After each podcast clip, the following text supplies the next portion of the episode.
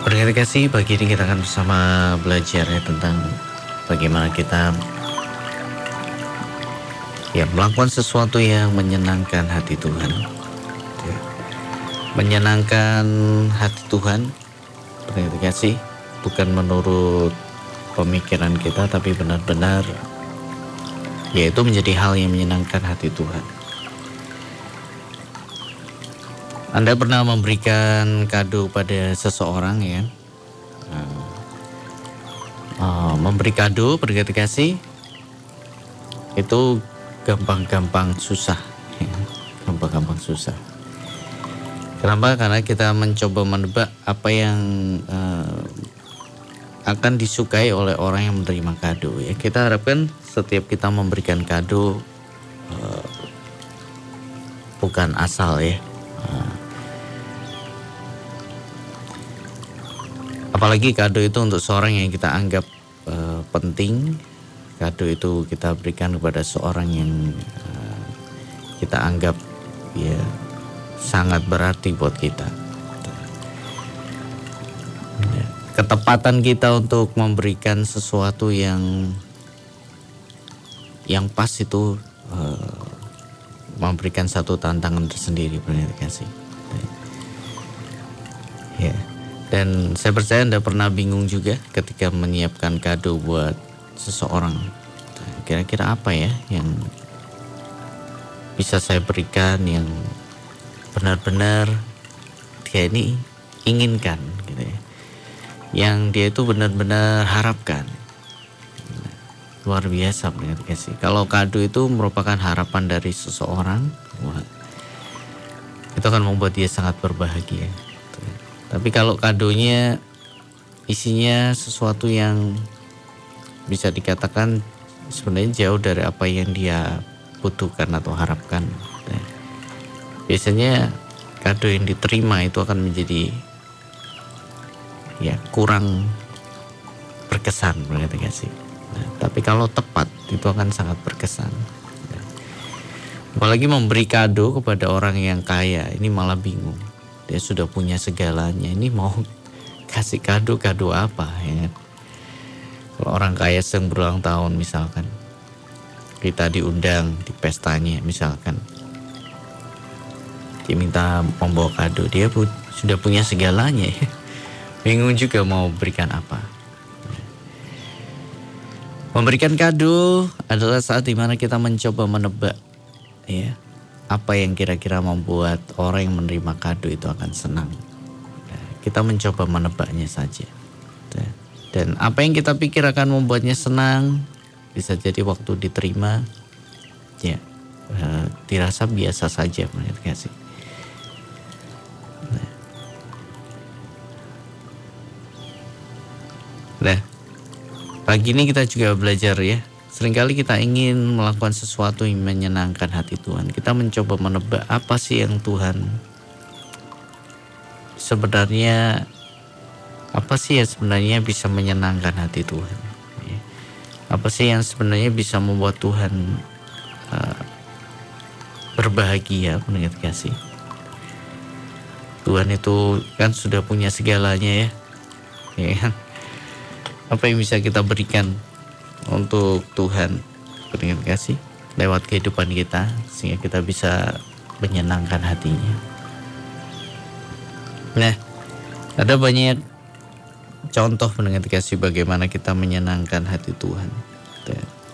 Sekali lagi ini berbeda-beda. Ya. Jadi kita harus peka bagaimana menyenangkan hati Tuhan dalam sebuah situasi apa yang menyenangkan hati Tuhan dan apa yang tidak menyenangkan hati Tuhan. Nah, terima kasih ya. Jadi kita akan baca lebih dulu ya di dalam ini salah satu contoh dalam Yohanes pasal 12 ayat yang ketiga. Lalu Maria mengambil setengah liter minyak narwastu murni yang mahal sekali lalu meminyaki kaki Yesus dan menyekanya dengan rambutnya. Dan bau semerbak minyak itu memenuhi seluruh rumah itu. ada seorang yang bernama Maria, ingat kasih. Dan dia melakukan sesuatu yang luar biasa pada waktu itu. Ya. Dia memecahkan botol minyak ya yang sangat mahal dan dia meminyaki kaki Yesus dengan minyak yang mahal sekali itu. Ya. Dan Tuhan tidak menolaknya. Ya. Dan Tuhan mengatakan, biarkanlah dia melakukan hal ini mengingat hari penguburanku. Ya. Jadi Maria melakukan Maria melakukan sesuatu yang luar biasa, sesuatu yang tidak akan pernah terlupakan. Ya. Bahkan apa yang dilakukan Maria terus diceritakan sampai sekarang. Dan setelah dia meminyaki kaki Yesus, dia menyekanya dengan rambutnya. Nah, ada yang marah kan waktu itu, tapi Tuhan berkata, biarkanlah dia. Berarti Tuhan berkenan dengan apa yang dilakukan Maria, ya, ketika dia memecahkan minyak yang mahal. Ya, banyak orang miskin, ya, dan dan dikatakan kalian bisa melakukan intinya seperti itu kamu masih bisa memberikan orang miskin kepada orang miskin. Tapi aku tidak selalu ada bersama dengan kamu. Intinya seperti itu. Jadi biarkan dia melakukannya. Ternyata Tuhan ya berkenan ya.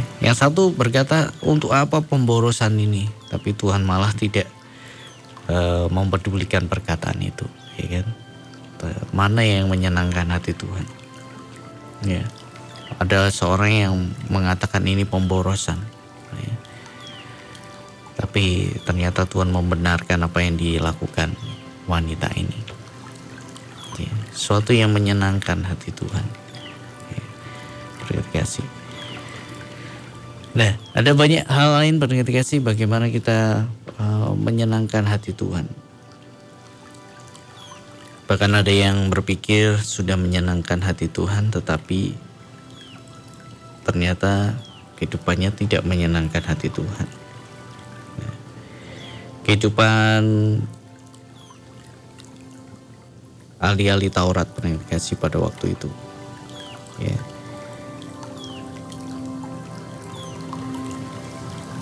Dan kehidupan orang-orang Farisi. Pada waktu Tuhan Yesus melayani di dunia, kan? Banyak sekali mereka ini penuh dengan kritikan, kasih ya, penuh dengan hal-hal yang lain. Keinginannya adalah selalu ingin menghukum, ya, selalu ingin menghukum orang, selalu ingin menunjukkan kesalahan orang, ya, kan? Kemudian menghukumnya. Ada satu semangat yang seperti itu ya memang kehidupan mereka luar biasa mereka menjaga kehidupannya ya dengan begitu rupa ya. sehingga di mata orang tampak begitu rohani punya kasih ya tampak begitu rohani ya. dan mereka selalu mencari-cari ya kesalahan nah, hal yang kurang adalah yang pernah Tuhan Yesus tegur bahwa mereka mengabaikan keadilan dan belas kasihan. Ya. Mereka mementingkan persembahan, persepuluhan, ya. apa pun yang bisa mereka berikan buat Tuhan. Ya. Mereka melakukan semua itu. Tapi ternyata Tuhan berkata, ya kan kelihatannya mereka sudah berpikir wah dengan aku melakukan semua ini, aku ini sudah berkenan di hadapan Tuhan. Tapi ternyata Tuhan menyatakan apa yang tersembunyi dalam diri mereka bahwa mereka mengabaikan keadilan dan belas kasihan. Ada kalanya pendengar kasih saat-saat di mana Tuhan tidak menghendaki Tuhan lebih menghendaki keadilan dan belas kasihan lebih dari persembahan yang kita berikan ya kan?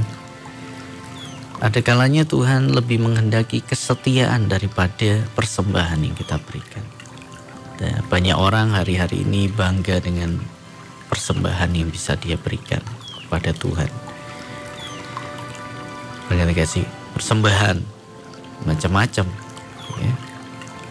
Ada yang membanggakan memberikan uang dalam jumlah besar. Ada yang membanggakan uh, memberikan waktunya buat Tuhan, ya kan? Mati-matian buat Tuhan, ya. untuk melayani Tuhan. Ada yang membanggakan bagaimana dia memberikan waktunya. Saya memberikan waktu yang banyak loh untuk Tuhan. Saya memberikan uang yang banyak loh untuk pekerjaan Tuhan. Saya memberikan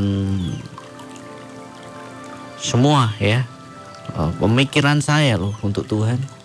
Saya peras benar-benar pemikiran saya untuk Tuhan. Ya. Itu bagus sebenarnya kasih. Tapi ketika kita mulai mengabaikan keadilan dan belas kasihan, nah, kita harus peka dengan apa yang sedang menyenangkan, apa yang menyenangkan hati Tuhan dalam situasi yang sedang kita jalani hari-hari ini. Ya.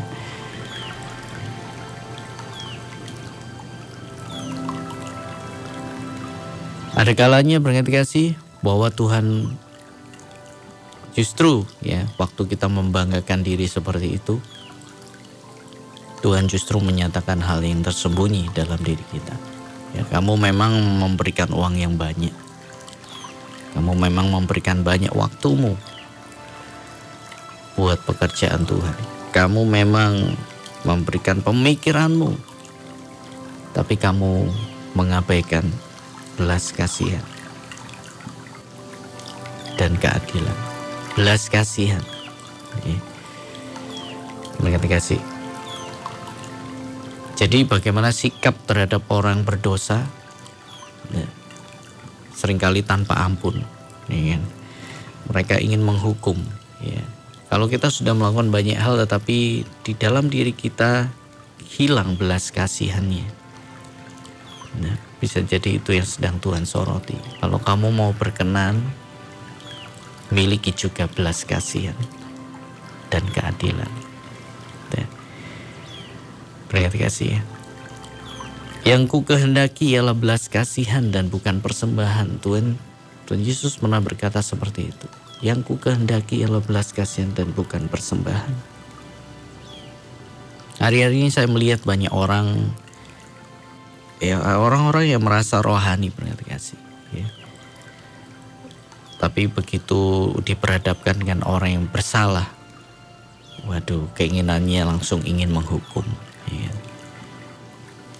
ingin menghukum dan ingin menghukum. Berarti kasih belas kasihannya sudah tidak tampak lagi. Ya, hari-hari ini saya sering menjumpai begitu banyak orang yang mulai kehilangan yang namanya belas kasihan. Padahal belas kasihan salah satu hal yang menyenangkan hati Tuhan. Ya, di dalam Matius pasal 12 ayat yang ke-7 dituliskan, jika memang kamu mengerti maksud firman ini, yang ku kehendaki ialah belas kasihan dan bukan persembahan. Tentu kamu tidak menghukum orang yang tidak bersalah. Nah, berarti kasih. Jika memang kamu mengerti maksud firman ini, yang ku kehendaki ialah belas kasihan dan bukan persembahan, tentu kamu tidak menghukum orang yang tidak bersalah. Berarti untuk menyenangkan hati Tuhan kita harus peka berarti sih? Bukan menurut pemikiran kita sendiri kita sudah menyenangkan hati Tuhan. Tapi bagaimana menurut Tuhan? Sudah sudah belum kita menyenangkan hati Tuhan? Ya kan? Di contoh yang lain kasih. Bagaimana menyenangkan hati Tuhan? Nih. Menyenangkan hati Tuhan juga bisa berarti waktu kita melakukan apa yang kita tidak mau lakukan. Nah, kita sedang menyenangkan hati Tuhan. Ya, jadi kalau hari ini kita sedang diperhadapkan pada suatu ya, yang Tuhan itu mau ingin kita laku, kita mau yang Tuhan ingin kita lakukan. Tapi itu bertentangan dengan kita, kasih. Maka menyenangkan Tuhan uh, bukan diubah dengan Anda memberikan persembahan. Sudah Tuhan, saya tidak mau melakukan ini. Saya berikan persembahan aja ya. ya untuk menyenangkan hatimu. Tidak bisa mendengar kasih. Kita harus peka dalam setiap situasi. Dalam situasi ini bagaimana saya menyenangkan Tuhan. Ya. Di dalam Matius pasal yang kelima di situ ayat yang ke-44 tuliskan, tetapi aku berkata kepadamu kasihlah musuhmu dan berdoalah bagi mereka yang menganiaya kamu. Eh, kalau Anda dimusuhi, Tuhan minta mengampuni, mau tidak ya sih. Kalau mau itulah cara kita menyenangkan hati Tuhan. Bisa jadi hari ini kita sedang disakiti, Tuhan minta kita untuk mengasihi musuh dan berdoa bagi mereka yang menganiaya. Ya. Karena dengan demikian kamu menjadi anak-anak Bapamu yang di sorga. Ya, anak-anak Bapa yang berkenan, yang menyenangkan dia, yang menerbitkan matahari bagi orang yang jahat dan orang yang baik, dan menurunkan hujan bagi orang yang benar dan orang yang tidak benar kita akan menjadi sama dengan Bapa ya, ketika kita mau melakukannya. Nah, hal apa yang saat ini tidak ingin kita lakukan tapi Tuhan mau kita lakukan. Kita tidak bisa menggantinya dengan pelayanan. Sudah Tuhan, saya nggak mau melakukan ini, saya ganti dengan pelayanan full time ya.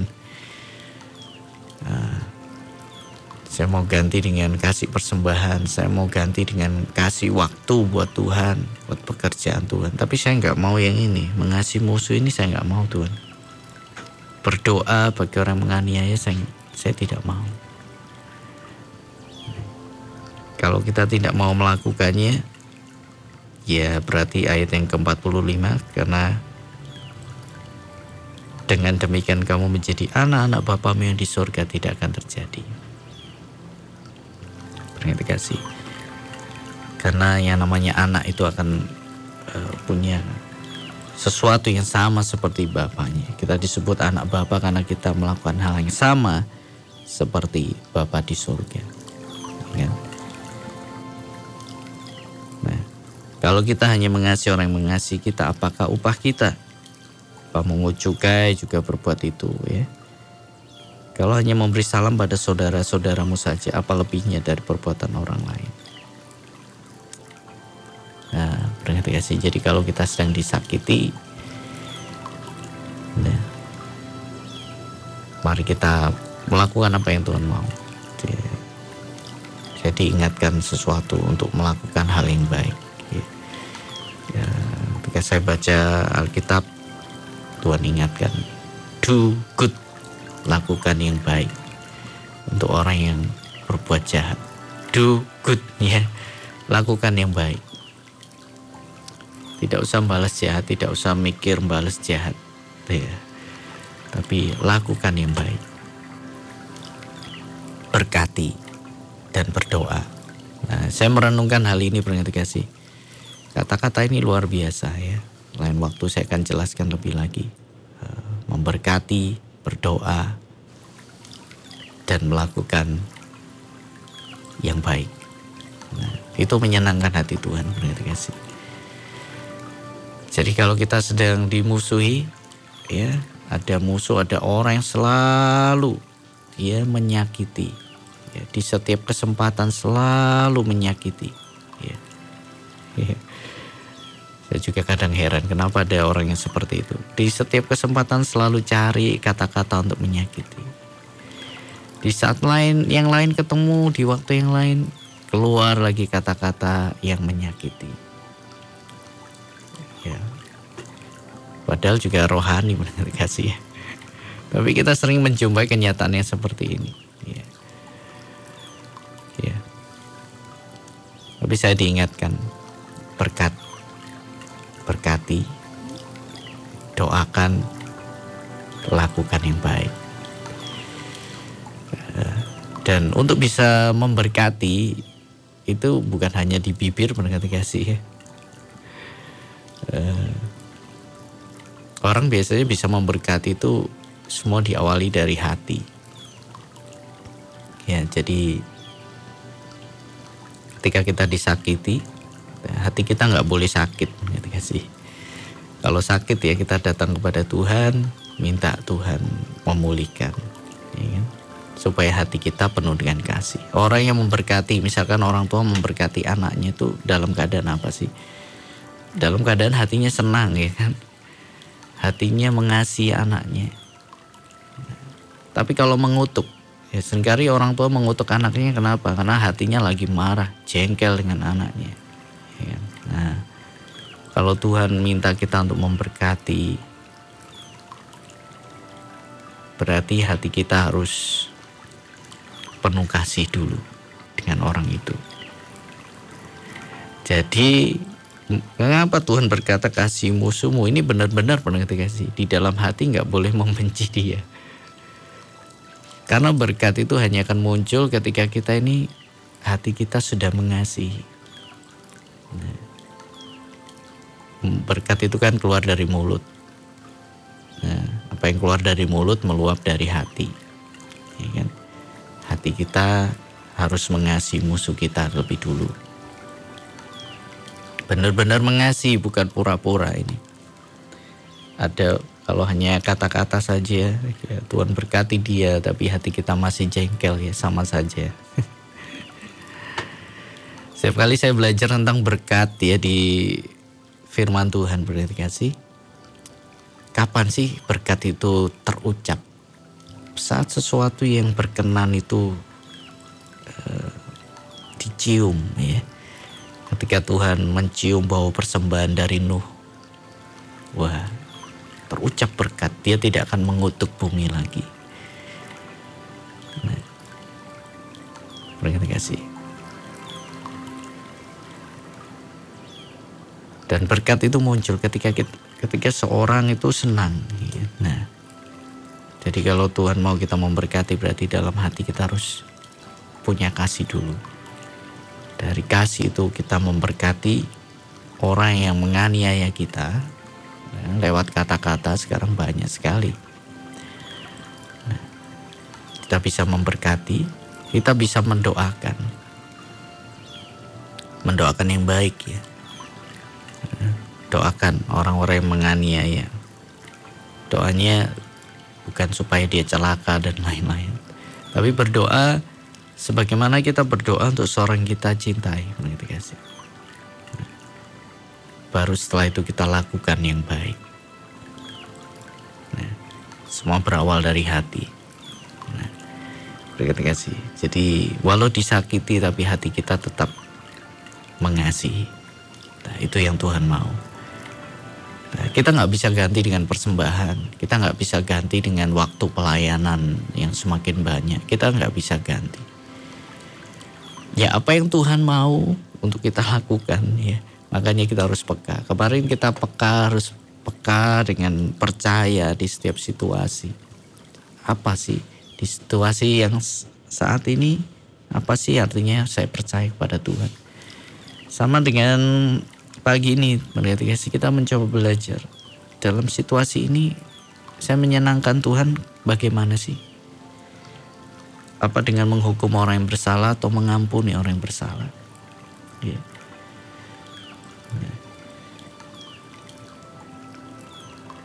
saya membalas musuh atau uh, memberkati musuh? Melihat kasih saya berkorban atau saya menahan sesuatu. Nah, kita harus peka bagaimana kita menyenangkan hati Tuhan. Dan masih banyak lagi menurut kasih. Kita bisa menyelidiki firman Tuhan lebih lagi untuk lebih mendapatkan banyak hal. Ya. Oke, pagi ini kita mau sama-sama belajar menyenangkan hati Tuhan, bukan menurut pemikiran kita, karena ada banyak orang ya kan ditolak oleh Tuhan nantinya. Aku sudah melayani engkau Tuhan, engkau sudah bernubuat mengadakan mujizat. Kita pikir kita sudah menyenangkan hati Tuhan lewat semua itu. kita pikir. Tapi kembali bagaimana dengan Tuhan itu masalahnya. Tapi toh kenyataannya banyak orang ditolak oleh Tuhan. Enyah kamu dari hadapanku. Kamu sekalian pembuat kejahatan. Bukan orang yang berseru kepadaku Tuhan, Tuhan yang akan masuk ke dalam kerajaan surga. Melainkan yang melakukan kehendak Bapakku yang di surga. Hari ini apa yang menjadi kehendak Bapa di surga? Biar kita peka mendengar bukan apa yang kita anggap baik dan berkenan di hadapan Tuhan. Tapi apa yang Tuhan mau sebenarnya? Itu yang perlu kita renungkan hari-hari ini.